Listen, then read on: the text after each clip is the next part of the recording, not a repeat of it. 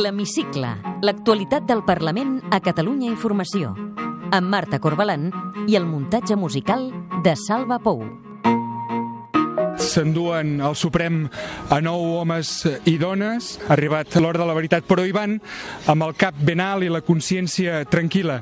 Els nou líders independentistes que el Suprem jutjarà per l'1 d'octubre ja són a Madrid. Aquest divendres, coincidint amb el seu trasllat, el president del Parlament ha encapçalat una concentració de suport a la porta de la Cambra Catalana, on han participat treballadors del Parlament i també diputats de Junts per Catalunya, Esquerra i els Comuns. Roger Torrent ha destacat que els presos van a Madrid per posar l'Estat davant del mirall i defensar la democràcia. Benvinguts a l'Hemicicle. L'Hemicicle. L'actualitat del Parlament a Catalunya Informació.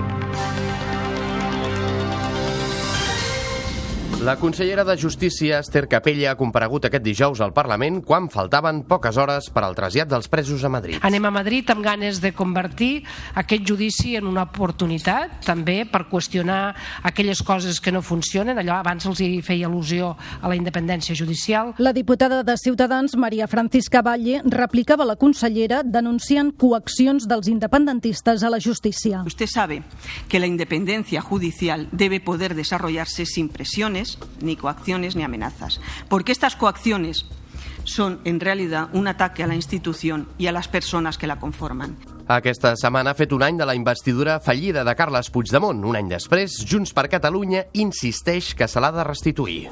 Van marcar les principals línies d'actuació parlamentària per Junts per Catalunya. Són les mateixes per les quals ens van presentar les eleccions el dia 21 de desembre, que és la restitució del govern legítim de Catalunya, la restitució del president Puigdemont. La CUP colla Junts per Catalunya i Esquerra. Els copaires han presentat una moció perquè es voti al ple del Parlament on defensen la via unilateral per aconseguir la independència. Junts per Catalunya i els republicans s'hauran de mullar.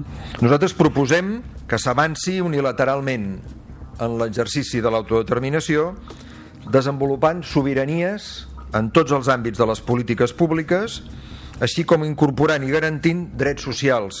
El conseller Miquel Buch ha comparegut a la Comissió d'Interior. Ha anunciat que les denúncies per casos d'odi polític s'han triplicat a Catalunya. El 2018 es van denunciar 326 fets, un alt increment respecte al 121 del 2017. I aquesta setmana el Parlament ha commemorat el Dia Internacional en Memòria de les Víctimes de l'Holocaust. El president de la Generalitat, Quim Torra, demanava que la democràcia se sobreposi al populisme i al feixisme. La democràcia la llibertat i la justícia han de vèncer sempre. És el nostre deure per no deixar el terret abonat al populisme que, com s'ha escrit, és una nova manera d'anomenar el feixisme que vindrà. I avui ens contestarà en una frase el qüestionari de l'hemicicle David Bertran Roman, diputat de Ciutadans.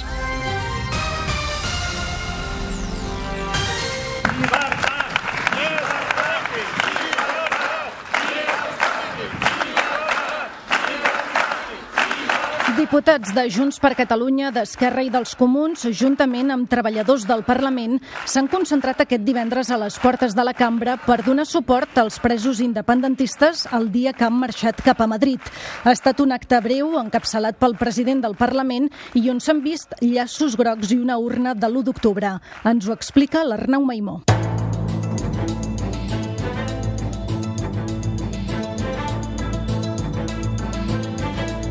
Roger Torrent ha anunciat que anirà a Madrid durant el judici per donar suport a tots els dirigents independentistes, però sobretot a l'expresidenta del Parlament, Carme Forcadell. Segons Torrent, el judici servirà per defensar la democràcia. S'enduen al Suprem a nou homes i dones arribat l'hora de la veritat, però hi van amb el cap ben alt i la consciència tranquil·la. Hi van per denunciar la vulneració dels seus drets i la de tots nosaltres, tots els nostres drets. Hi van per posar l'Estat davant del mirall i per defensar la democràcia. I nosaltres els hem d'acompanyar, els hem d'acompanyar en aquesta lluita per deixar clar que posar urnes no és delicte, no pot ser mai delicte. El judici de l'1 d'octubre també ha estat present a la compareixença que feia dijous la consellera Esther Capella a la Comissió de Justícia. Anem a Madrid amb ganes de convertir aquest judici en una oportunitat també per qüestionar aquelles coses que no funcionen, allò abans els hi feia al·lusió a la independència judicial, una oportunitat també per posar l'Estat davant del mirall i per fer que no li agradi gens el que ha de veure i que reprodueix massa sistemàticament al llarg de la història de l'estat espanyol. Des de Ciutadans, la diputada Maria Francisca Valle acusava l'independentisme de coaccionar la justícia. Durante los últimos meses, noviembre y diciembre, se han expandido en la puerta de entrada de los edificios judiciales excrementos y basura. Y usted sabe que la independencia judicial debe poder desarrollarse sin presiones, ni coacciones, ni amenazas. Porque estas coacciones son en realidad un ataque a la institución y a las personas que la conforman. I en un Estado de Derecho esto es intolerable. I aquesta setmana s'ha tornat a reunir la comissió que investiga els efectes del 155 a Catalunya, just el mateix dia que el Tribunal Suprem impedia als exconsellers empresonats que hi poguessin compareixer. L'alt tribunal considera que davant la imminència del judici podrien haver-hi interferències que s'han d'evitar. Per això no els permet compareixer ara, tot i que deixa la porta oberta que el Parlament torni a demanar-ho en un altre moment processal. La diputada de Junts per Catalunya, Gemma Geis, acusa el Suprem de falta de respecte institucional i de vulnerar els drets dels diputats i dels exconsellers. És una altra alteració a la nostra tasca com a diputats i diputades, una altra vulneració dels drets, eh, de l'obligació de, de compareixer en una comissió d'investigació. Qui sí que ha comparegut aquesta setmana a la comissió és l'ex-lletrat del Tribunal Constitucional, Joaquín Urias. L'ex-lletrat està convençut que l'aplicació del 155 va ser ineficaç i inconstitucional i que Rajoy va fer-ho servir per canviar el règim polític espanyol. El 155 puede suspender la gestión de una comunidad autónoma. La gestión.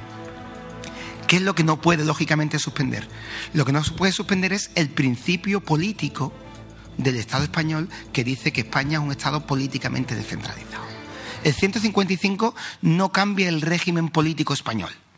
Y como se ha aplicado, se ha aplicado cambiando el régimen político español. Atenent a la petició del president Puigdemont de garantir el seu dret a tenir un debat d'investidura amb garanties i a la vegada per donar temps a les al·legacions presentades pel mateix president a través de Junts per Catalunya al Tribunal Constitucional, el ple d'avui queda ajornat, però en cap cas desconvocat. Aquesta setmana ha fet un any de la investidura fallida de Carles Puigdemont. El 30 de gener del 2018, el president del Parlament va anunciar que ajornava el ple arran del veto del Tribunal Constitucional.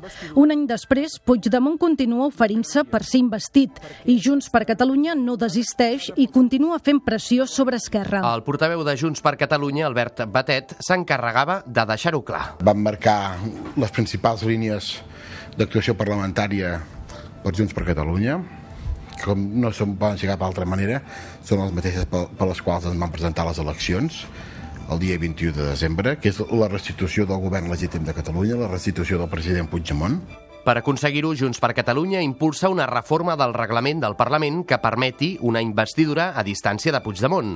Aquest divendres s'ha tornat a reunir la ponència que ha de redactar aquests canvis. I mentre Junts per Catalunya pressiona Esquerra amb la investidura, la CUP pressiona els dos principals grups independentistes perquè es posicionin a favor de la via unilateral. Els copaires han presentat una moció que en principi es votarà al ple de la setmana que ve, on demana al govern que abandoni el diàleg polític amb l'Estat fins que no reconegui el dret a l'autodeterminació i posi fi a la repressió. El text, com explicava el diputat de la CUP, Carles Riera, defensa la via unilateral per aconseguir la independència. Nosaltres proposem que s'avanci unilateralment en l'exercici de l'autodeterminació desenvolupant sobiranies en tots els àmbits de les polítiques públiques, així com incorporant i garantint drets socials per a tothom, sense acceptar les limitacions que puguin imposar les institucions de l'estat espanyol i el seu marc jurídic. En el mateix ple, els independentistes també hauran de votar una moció de Ciutadans que defensa just el contrari, que el Parlament es comprometi a complir les lleis i la sentència del judici. La tensió política a Catalunya ha fet créixer les denúncies per discriminació ideològica. La dada la va oferir el conseller d'Interior, Miquel Buch, que dimecres compareixia a la Comissió del Parlament. Les denúncies per delictes amb motivació política s'han triplicat en l'últim any. Entre els delictes d'odi i discriminació més habituals en el nostre país, cal citar els vinculats a discriminació per orientació política. El 2018 es van denunciar 326 fets, un alt increment respecte als 121 del 2017. Ciutadans aprofitava la Comissió d'Interior per demanar a tots els grups que condemnin l'agressió que el cap de setmana passat va rebre el regidor del partit a Blanes, Sergio Atalaya, en un acte a Torrella de Montgrí. El diputat Jan Castel demanava al conseller d'Interior que es garanteixi la seguretat de tots. És una irresponsabilitat el que varen veure, és una irresponsabilitat aquell dispositiu que posava un cop més en perill els nostres efectius i els nostres Mossos d'Esquadra, fixi's que dic la paraula nostres, i li demano, si plau, i és un prec que des d'aquest grup parlamentari li fem, que posem solució al problema. Des de Junts per Catalunya, Aurora Madaula els dirigia així el grup de Ciutadans. Vostès poden penjar les seves, les seves banderes espanyoles. No els anirem a arrencar. Qui arranca llaços, qui arranca pancartes on diu llibertat, democràcia, Catalunya. Això és pensament únic. Això és feixisme, això és totalitarisme, si no li volen dir feixisme. El diputat del PP, Xavier García Albiol, carregava contra la CUP. Em sembla que els números canten per si sols. I en aquest aspecte, doncs la CUP i especialment les seves eh, joventuts, les d'Arran, són uns autèntics especialistes del que significa actuar com eh, totalitaris, com, com feixistes. Des de la CUP, Maria Sirvent denunciava l'increment dels atacs de la ultradreta. Alerta que hi ha una vintena de grups organitzats d'ultradreta que funcionen de forma coordinada a Catalunya que a més a més ho fan amb l'objectiu d'atemptar contra la llibertat ideològica i d'expressió dels ciutadans i que s'han comès per part d'aquests grups 328 agressions els, els últims dos anys a Catalunya. El diputat del grup parlamentari Socialistes i Units per Avançar, Carles Castillo, aposta per il·legalitzacions. La policia a vegades té pocs instruments per actuar davant de grups feixistes i per això defenso que el que hauríem de plantejar-nos és la il·legalització d'aquestes eh, forces que ja sabem tots i totes que tenen un marcat caràcter eh, eh, feixista. Des d'Esquerra, Montserrat Fornells defensa sancions. Per evitar que, que passi aquestes coses cal doncs, eh, sancionar a qui ho faci, a qui patixi, a qui faci aquestes agressions eh, o aquests atacs, doncs cal investigar i cal eh, denunciar i sancionar a les persones que facin aquestes eh, accions. I el diputat de Catalunya en Comú Podem, Joan Josep Nuet, feia aquesta petició al conseller Miquel Buch. Que no li tremoli el pols, conseller, l'antifeixisme és un valor republicà i hauria de ser també una bandera d'aquest govern i d'aquest país. Gràcies. I a la mateixa Comissió d'Interior, on hi ha hagut tot aquest debat, també s'aprovava la compareixença al Parlament de la delegada del govern espanyol a Catalunya, Teresa Conillera. Haurà de donar explicacions a la cambra sobre les detencions sense ordre judicial de militants independentistes a Girona el 16 de gener. I també a la Comissió d'Interior, el conseller Buch es comprometia a augmentar el pressupost per als bombers. En concret, prometia un increment del 67% si finalment s'aproven els pressupostos de la Generalitat, un fet que sembla bastant difícil perquè els comuns mantenen suspeses les negociacions. Al Parlament hi han passat altres coses aquesta setmana que repassem en format més breu. El secretari de la Mesquita de Ripoll ha comparegut a la Comissió d'Investigació dels Atemptats del 2017 a Barcelona i Cambrils. Hamid Barbaix revelava que els mesos previs a la massacre, la Policia Nacional va visitar diversos cops la mesquita per preguntar per l'imam, considerat al servei dels atemptats. Preguntan por Abdel Bakisati, si to- todavía está aquí, cómo está la cosa, cómo, bueno, cómo estamos. Eh, eso dura 10 minutos y así, y así se va. Pere Aragonès i Damià Calvet han comparegut en comissió per donar explicacions sobre l'operació d'Aigües Ter Llobregat. El vicepresident i conseller d'Economia anunciava que el govern demanarà als tribunals que li tornin la gestió de l'ATL si Acciones continua negant a fer-ho. En el supòsit en què ATL concessionària no lliuri les instal·lacions i no es pugui assumir el servei, es demanarà l'autorització judicial corresponent per recuperar les instal·lacions i el servei d'abastament d'aigua. El Parlament ha aprovat una resolució que condemna textualment la guerra bruta econòmica de l'Estat després de l'1 d'octubre. El text, aprovat amb els vots de Junts per Catalunya, Esquerra i els Comuns, també reprova la participació del rei Felip VI i de l'exministre Luis de Guindos. I Xavi García Albiol s'ha acomiadat aquesta setmana del Parlament. L'expresident del Partit Popular de Catalunya ha presentat la renúncia com a diputat per poder-se centrar en la campanya com a candidat a l'alcaldia de Badalona. El substituirà Esperanza Esperanza García, que ja havia estat diputada durant l'anterior legislatura.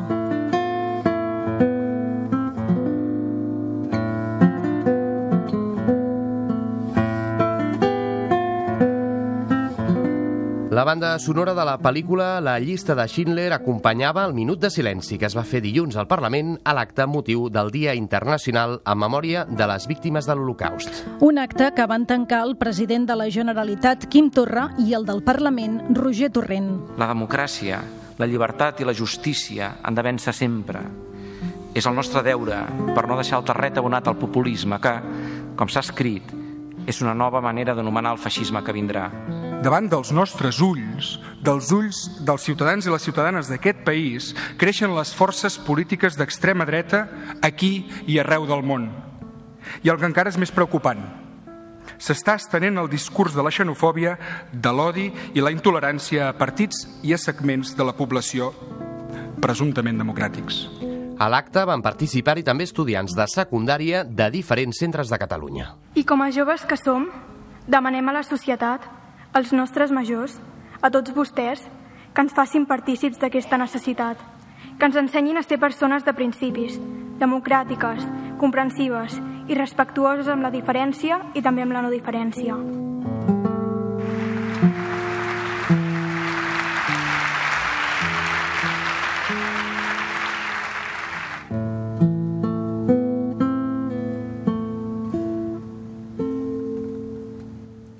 En una frase, amb Carme Clèries.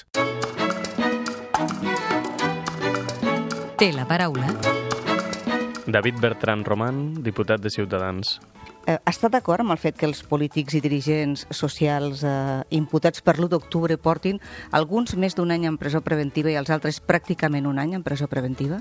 Jo crec que la situació política i social a Catalunya és molt complexa, més complexa del que ho havia estat mai i en aquest cas en concret eh, doncs nosaltres creiem en la independència judicial i aquí hi ha uns jutges que estan prenent unes decisions basades en, en dret i en la Constitució i doncs crec que, que s'ha de deixar que facin la seva feina. Creu que hi haurà un judici just? Ho dic perquè s'ha posat molt en qüestió la independència judicial en, en aquest cas. Creiem que, que hi ha aquesta independència per part del, del Poder Judicial pel que fa a, al que és el poder executiu i legislatiu i, i creiem que sí, que hi haurà un judici just. Creu que és possible que hi hagi un referèndum acordat amb l'Estat?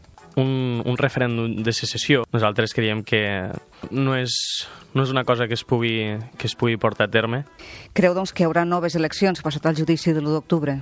Utilitzen el, el Parlament um, en base a, als seus interessos de partit, doncs eh, ells utilitzen aquest tipus de polítiques més populistes, doncs bé podria ser que, que utilitzessin eh, el descontentament d'una part de la població eh, amb, els seus, amb els seus fins partidistes, doncs només pensant electoralment en treure més, més escons. Vostè parlava de Marine Le Pen i de Salvini altres mm, fenòmens que s'estan donant a Europa, però i Vox? Ho dic perquè vostès malgrat no han fet un pacte directe a Andalusia, sí que estan governant a, a tres bandes, no? Nosaltres hem fet un pacte a Andalusia amb el Partit Popular, un pacte que, que té 90 mesures i que per cert en té, en té de molt clares pel que fa doncs, a, a la igualtat de gènere. El, el que volem al final és desenvolupar pactes amb partits constitucionalistes, amb partits Bé, nosaltres ens considerem, ens considerem un partit moderat, de centre, liberal i progressista. Vox no és constitucionalista? Bé, hi ha hagut uh, declaracions per part d'ells que, que no van en, a, en aquesta línia. Com s'ha de fer perquè tothom tingui dret a una vivenda digna? Doncs és molt important que hi hagi una, polítiques públiques eh, que, que, se, que es centrin en el, en el que és el, el tema de la vivenda. I, i això, aquesta és una cosa que l'actual govern de la Generalitat no està tractant i porta molt de temps sense tractar. I per solucionar la pobresa energètica? El que és important és que dintre de la, de la Unió Europea doncs, uh, hi, hagi, hi hagin mercats que siguin competitius, que facin que no hi hagin doncs, uh, que no hi hagin monopolis, oligopolis i, i en qualsevol cas, en els casos en els que doncs, eh, no s'arribi a, uns, a, uns, a uns mínims vitals, doncs, l'administració pública eh, ha d'ajudar doncs, a que hi hagin aquests... O sigui, ni, ningú deixi de tenir aquests mínims vitals pel que fa a qüestions energètiques. Eh, quina llei li agradaria aprovar abans de que s'acabi aquesta legislatura? Jo crec que la universalització absoluta de l'educació de 0 a 3 anys, perquè tothom, independentment de la, de la renda que tingui, pugui, pugui tenir aquests serveis, que, que és, és la base de la igualtat d'oportunitat. Per què ha decidit eh, dedicar-se a la política? Suposo que he desenvolupat la idea que a través de la política es podien canviar les, les coses per a, per a poder millorar la societat i sobretot eh, en el sentit de poder garantir la, la igualtat d'oportunitats que per mi és la, la base de, del, del progrés social. Vostè fa ús de la salut pública? Sí, eh, de forma de forma quasi absoluta. Té pis de lloguer o de propietat? De lloguer amb quin diputat o diputada que no sigui del seu grup compartiria taula per dinar tranquil·lament i amigablement? Jo, jo diria dos diputats, sí. Un diria l'Òscar Ordeig, del PSC, i també diríem el Lucas Ferro, de, dels Comuns. Digui'm un pecat confessable. No sóc gaire puntual. Quin és el seu paisatge favorit? A mi m'agrada molt el Pirineu. Jo diria en concret la Vall de Boí. I els seus hobbies quins són? Els esports m'agraden molt, però també m'agrada molt llegir i el fet de, de sortir a aprendre alguna cosa amb, amb alguna persona interessant i poder, poder parlar d'aspectes de, de forma profunda. Pel que fa a llibres, en té un de capçalera? Un mundo feliz, d'Aldous Huxley. Una música que vostè l'identifiqui. El cantant belga, Stromae, i m'agrada molt la, la seva cançó Papa Ute. Què li fa por? Em fa por no estar a l'alçada de les circumstàncies i, i no poder complir amb, amb, els, amb, amb els que són els meus deures com a, com a ciutadà, però també com a persona. Creu en l'amor a primera vista?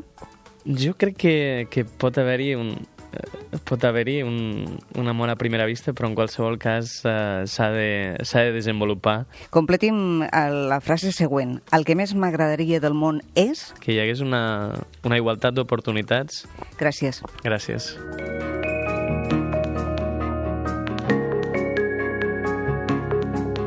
Podeu tornar a escoltar l'Hemicicle al web catradio.cat barra hemicicle o al podcast del programa i seguir l'actualitat del Parlament al perfil de Twitter arroba L-hemicicle.